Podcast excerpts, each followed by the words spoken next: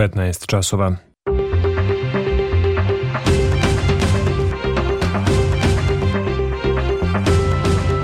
Radio Novi Sad. Novosti. Dobar dan, ja sam Slobodan Vidović. Ja sam Nikola Rausavljević. Ovo su najvažnije vesti. Priština u naredna dva dana odlučuje o ukidanju dinara na Kosovu i Metohiji. U Beogradu održan vanredni sastanak državnog vrha. Vučić večeras razgovara sa ambasadorima zemalja Kvinte i šefom delegacije Evropske unije. Zbog velikog kašlja preminulo četvoro dece na Beogradskom institutu za majku i dete dr. Vukan Čupić. U izveštaju o tranziciji Evropske banke za obnovu i razvoj pozitivne ocene za Srbiju. Predstavljeni programi Evropske unije za promociju građanskog aktivizma. Obeležen nacionalni dan bez duvanskog dima. Granični prelaz Horgoš 2 radiće 24 sata do 20. marta. Posle jutarnjeg mraza biće pretežno sunčano, kažu meteorolozi. Sutra temperatura do 8 stepeni, sada je u Novom Sadu stepen manje. Priština je za dva dana produžila odluku o ukidanju dinara na teritoriji Kosova i Metohije. Kažu da se razmatra niz opcija koje bi ostavile vremena građanima da se informišu i prebace na nove račune. Povodom odluke Albina Kurtija da zabrani dinar u pokrajini, predsednik Srbije Aleksandar Vučić održao je sinoć hitan sastanak sa ministrima na kojem je bilo reči o narednim koracima koje će Beograd tim povodom preduzeti. Očekuje se da to bude i tema današnjih razgovora Vučića sa ambasadorima zemalja Kvinte, kao i šefom delegacije Evropske unije, opširnije Vesna Balta. Odluka Prištine o suspenziji dinara je ekonomska, ali ima isključivo političku pozadinu, ocenjuju poznavaoci prilika. Spoljno-politički komentator Žarko Rakić smatra da će ta odluka otežati život Srbima na Kosovu i Metohiji. Šta je bilo interesantno u cijeloj ovoj priči, bare meni, to je da je posrednik Evropske unije, gospodin Lajčak, prvo došao u Beograd, a onda otišao u Prištinu. Obično je suprotno bilo, prvo išao u Prištinu, pa onda do, dolazi u Beograd. To meni govori da on zna šta će se dogodi, odnosno da je potpuno izvesno da će Priština da danas obelodani tu odluku, a da je on došao u Beograd da vidi kakve će biti reakcije Srbije i da pokuša da ih što više ublaži, odnosno verovatno da da opet neka prazna obećanja koji smo se naslušali posljednjih decenija. Predsednik društva lobista Srbije Nenad Vuković ocenjuje da će zabrana upotrebe dinara na Kosovu i Metohiji otežati pa i odložiti proces normalizacije odnosa Beograda i Prištine. Ovaj potez je, ima izuzetno ozbiljne implikacije od, eh, da kažem, monetarnih i tehničkih pa do onih drugih simboličkih i političkih jer ovaj otežava drastično život pre svega Srbima na Kosovu, ali takođe i kosovskim Albancima koji čitav niz svojih prava iz oblasti zdravstvene zaštite, socijalne zaštite, pa do onih komercijalnih zadovoljava upravo na teritoriji Srbije. To je jedan potez sa dalekosežnim posledicama prejudicira rešavanje pitanja Kosova, formiranje zajednice srpskih opština i u mnogome otežava i odlaže odgovor, ali se pregovori moraju nastaviti i razgovori i moraju se nastaviti u miru. Da će odluka vlasti u Prištini o ukidanju dinara nepovoljno uticati na srpsko stanovništvo na Kosovu smatra i generalni direktor Telekoma Srbije Vladimir Lučić. On je ovih dana bio u Prištini gde je razgovarao sa ambasadorima Sjedinjenih država i Evropske unije kako bi sprečio da Prištinska agencija za zaštitu konkurencije izbaci MTS sa tržišta na Kosovu i Metohiji. Više od 10% Srba napustilo je Kosovo i Metohiju prošle godine zbog stalnog pritiska Prištine, navedeno je u izveštaju Međunarodne krizne grupe. Kažu da su tenzije u pokrajini porasle od dolaska na vlast premijera privremenih prištinskih institucija Albina Kurtija, pogotovo u četiri opštine na severu gde su Srbi većina. Ocenjuju da je odbijanje Prištine da dodeli veću autonomiju Srbima jedan od dva glavna razloga za tenzije sa Beogradom, a da je drugi odbijanje Beograda da prizna nezavisnost takozvanog Kosova. Međunarodna krizna grupa smatra da Priština treba da radi na tome da se zadovolje potrebe srpske manjine na severu, posebno u zapošljavanju, zdravstvenoj zaštiti i školovanju i da bi, ako to ne može da se uradi u okviru delimične autonomije, Evropska unija i države članice trebalo da, kako kažu, pritisnu strane da razviju alternativne načine, načine za postizanje istog cilja. Ovo su novosti prvog programa radija Radio Televizije Vojvodine. Četiri deteta preminula su od velikog kašlja na Institutu za majku i dete doktor Vukan Čupić u Beogradu. Upravo Upravnik pedijatrijske klinike instituta Vladislav Vukomanović kaže da je jedno dete na respiratoru i da je životno ugroženo. Vukomanović je za RTS objasnio da odojčad stara 2, 3 ili 4 meseca mogu da razviju veoma tešku kliničku sliku velikog kašlja i da je oko 70 dece pozitivno na veliki kašalj.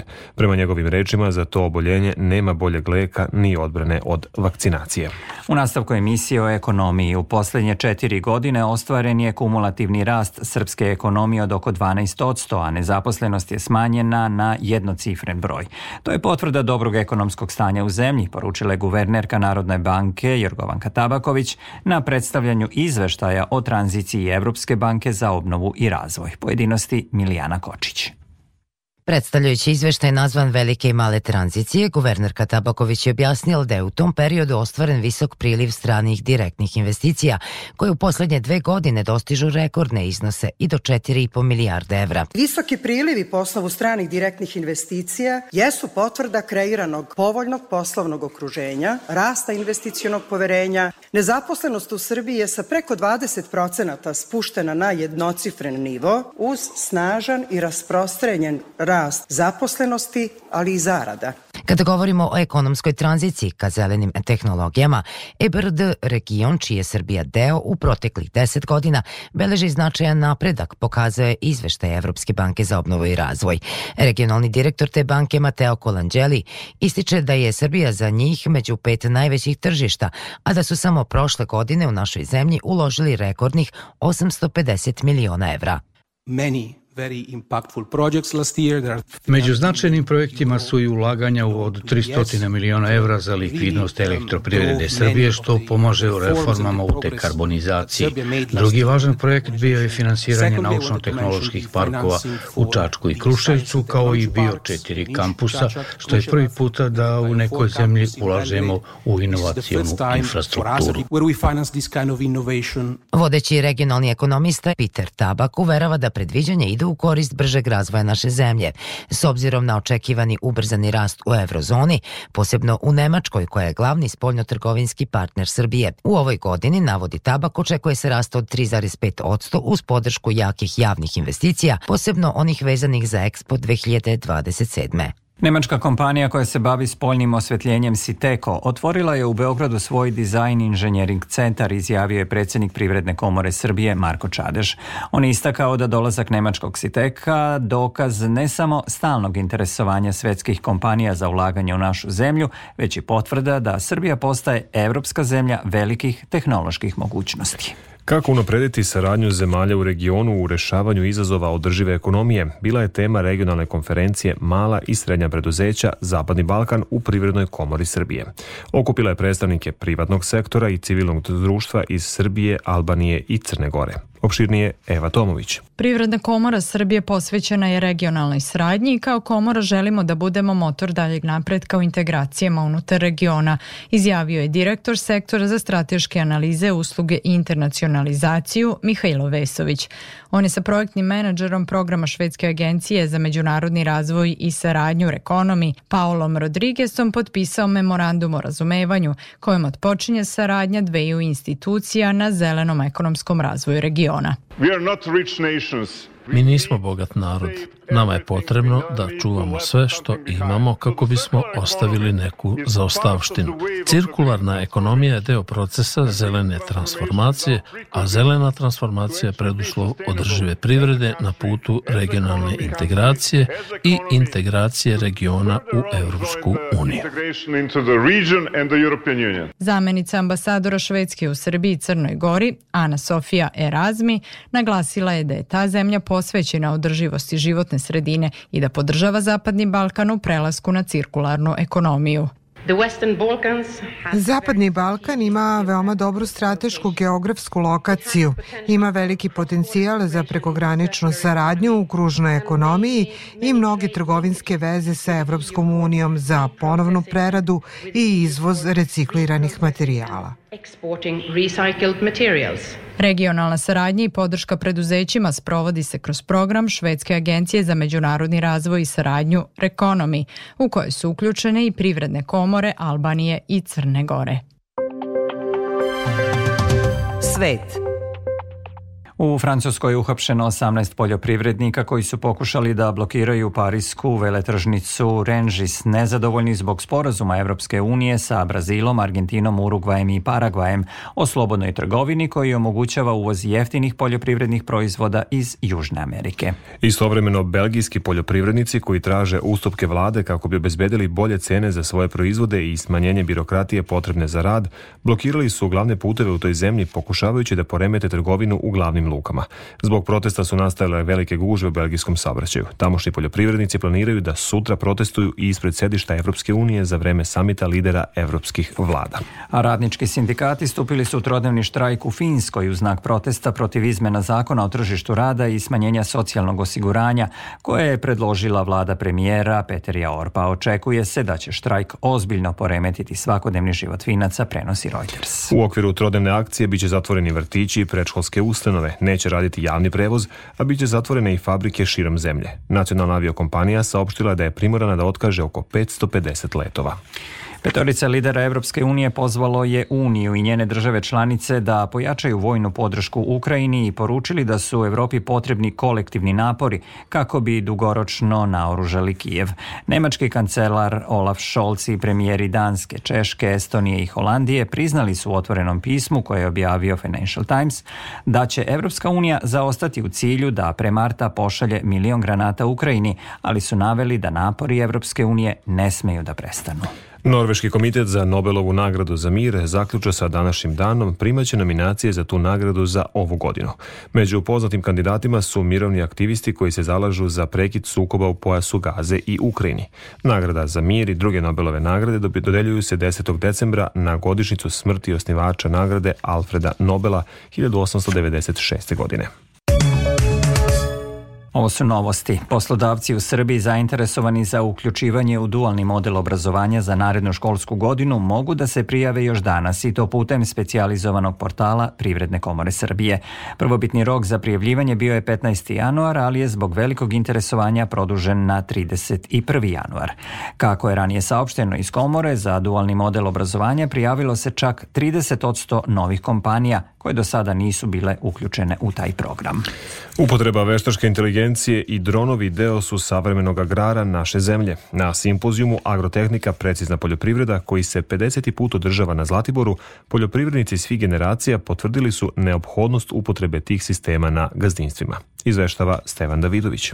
Poljoprivredniku Tarašu Ratinko Vučetić, čija se porodica više generacija bavi ratarstvom i stočarstvom, nema dilemu. Savremena proizvodnja na farmi i njivi zahteva tehnologiju 21. veka. Stočarstvo i kao i ratarstvo ne može se radi sa starim mašinama, mora nove tehnologije, precizna poljoprivreda, upotreba, navigacija dronova, jednostavno takva proizvodnja više isplativa, brža je, E, veći su prinosi, ekonomičnije kod stočarstva isto tako, e, prošlo je vreme e, i kravice i kantice, prošlo je vreme E, vila, znači to sada mora i tako se i radi, da se to mehanizacija radi. Simpozijum agrotehnika precizna poljoprivreda na Zlatiboru organizuje Novosadski poljoprivredni fakultet, a dekan tog fakulteta Nedeljko Tica siguran je da proizvođači imaju podršku na putu do veće zarade. A ova nova generacija koja organizuje 50. simpozijum, ona smatra da ove izazove pred kojima se nalazi poljoprivreda može uspešno prevladati novim investicijama,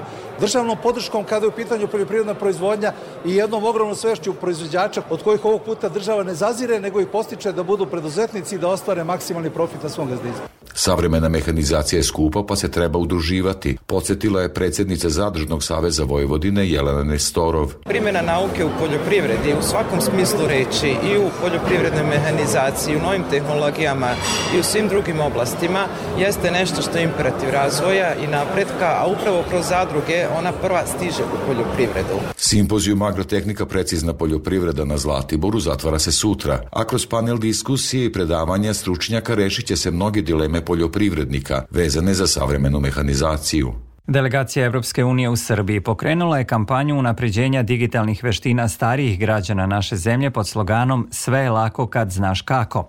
Cilj je da ovladaju osnovnim znanjima koja će im olakšati komunikaciju i korišćenje digitalnih usluga. Iz delegacije Evropske unije apeluju na javnosti i mlađe da pomognu starijima da prevaziđu digitalne izazove, a starije pozivaju da se prijave za besplatne obuke za digitalne veštine u Beogradu, Novom, Sa Novom Sadu, kao i nekoliko drugih gradova Srbije, koje će biti organizovane organizovane od februara do juna. U okviru projekta Otvorena vrata EU mogućnosti predstavljen je program financijske podrške građanskom aktivizmu koji promoviše jednakost za sve, kao i prava i vrednosti Evropske unije. Budžet projekta premašuje milijardu evra, a namenjen je lokalnim samoupravama i organizacijama civilnog društva. Opširnije Davorka Jelena Draško. Program koji je ranije bio poznat pod nazivom Evropa za građane i građanke sada je unapređen planom rada koji obuhvata period do 2030. godine.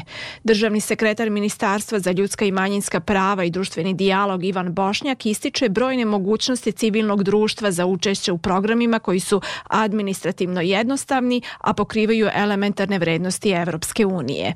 Mogu da apliciraju pre svega organizacije civilnog društva, znači udruženja građana koja su registrovane u skladu sa zakonima Republike Srbije, zatim međunarodne organizacije koje su takođe registrovane ovde kao što je Međunarodni crveni krst, druge međunarodne humanitarne organizacije, svakako jedinice lokalne samouprave, a moguće su i partnerstva samih građana, odnosno aktivističkih grupa, lokalnih akcijnih grupa i sličnih aktivističkih, jel tako, organizacija organizacija, oblik organizovanja da pojedinačno ili u partnerstvu mogu da konkurišu za ove grantove. Organizacije iz naše zemlje mogu se samostalno prijaviti za učešće u ovom programu, a preciznije informacije mogu dobiti u kancelarijama Evropske unije koje su otvorene širom Srbije. U našoj zemlji obeležava se Nacionalni dan bez duvanskog dima, a ovogodišnja kampanja sa sloganom 365 dana bez duvana ima za cilj da se podigne svest o štetnosti pušenja, naročito među mladima.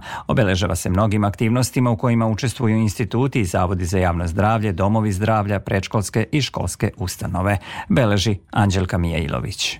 Dom zdravlja Novi Sad ovaj dan obeležio je organizovanjem edukacije o štetnosti duvanskog dima i sistematskim pregledima posebno namenjenim pušačima.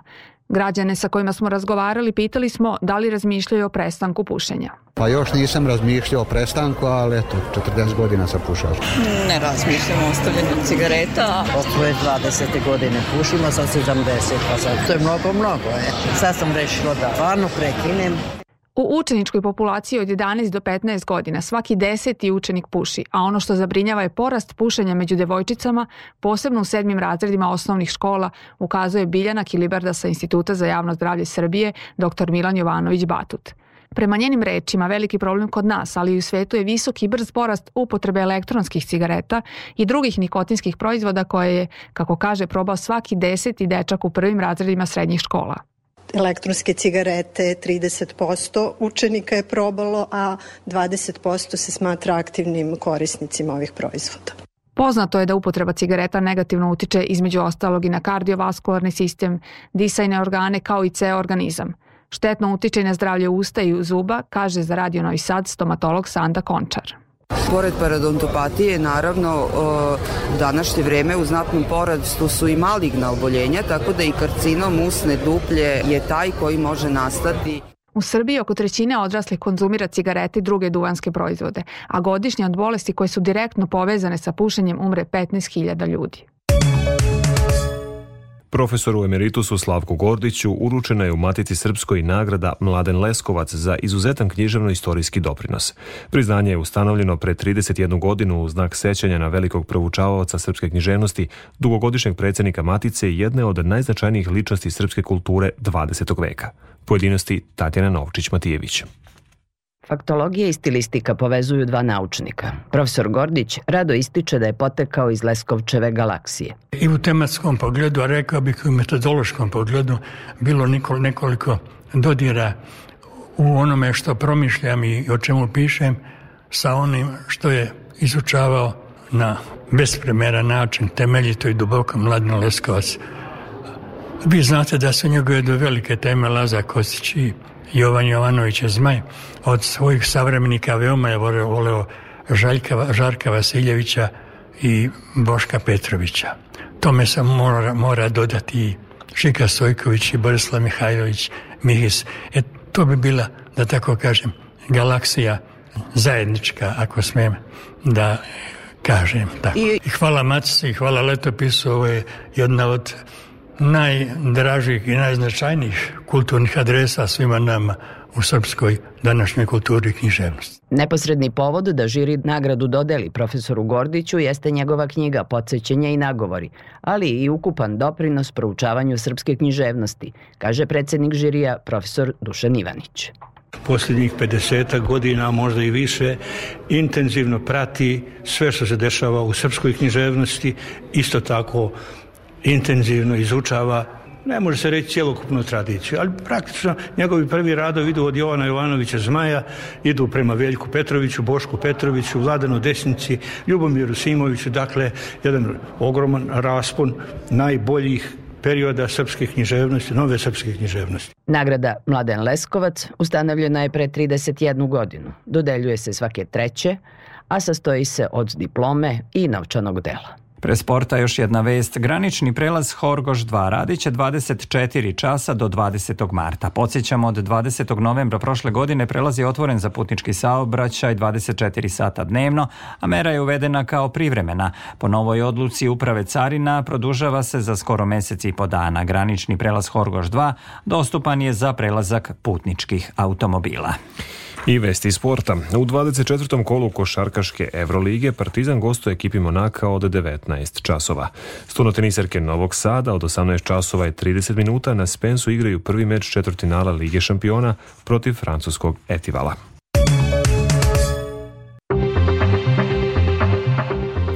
Još jednom najvažnije vesti. Priština u naredna dva dana odlučuje o ukidanju dinara na Kosovu i Metohiji. U Beogradu održan vanredni sastanak državnog vrha. Vučić večeras razgovara sa ambasadorima zemalja Kvinta i šefom delegacije Evropske unije. Zbog velikog kašlja preminulo četvoro dece na Beogradskom institutu za majku i dete dr. Vukan Čupić. U izveštaju o tranziciji Evropske banke za obnovu i razvoj pozitivne ocene za Srbiju. Predstavljeni program i Evropske unije za promociju građanskog aktivizma obeleže nacionalni dan bez duvanskog dima. Posle jutarnjeg mraza biće pretežno sunčano, kažu meteorolozi, evo detaljnije prognoze. U Vojvodini u četvrtak ujutru slab i umeren mraz. Tokom dana pretežno sunčano u slab promenje vetar. Najniža temperatura od minus 7 do minus 2, a najviše dnevna oko 8 stepeni. Posle podne postepeno na oblačenje. Uveče i noću slaba prolazna kiša, u slabi i umeren severozapadni vetar. U Vojvodini od petka porasti utarnjih, a od subote i dnevnih temperatura. U prvoj dekadi februara biće nadprosečno toplo vreme sa dužim sunčanim intervalima i uglavnom suvo. Za radio Novi Sad, meteorolog Miodrag Stojanović. Slušali ste novosti prvog programa radija Radio Televizije Vojvodine. Ovu emisiju možete slušati odloženo na sajtu rtv.rs gde su i sve važne informacije iz zemlje i sveta. Emisiju tonski realizovala Olga Đipanov, producenti Branislava Stefanović i Zoran Bečejac. Pred mikrofonom bili Slobodan Vidović i Nikola Rausavljević. Sledi Radio Sport, pa vesti u 16 časova. Nakon toga možete slušati emisiju o poljoprivredi Agroargumenti.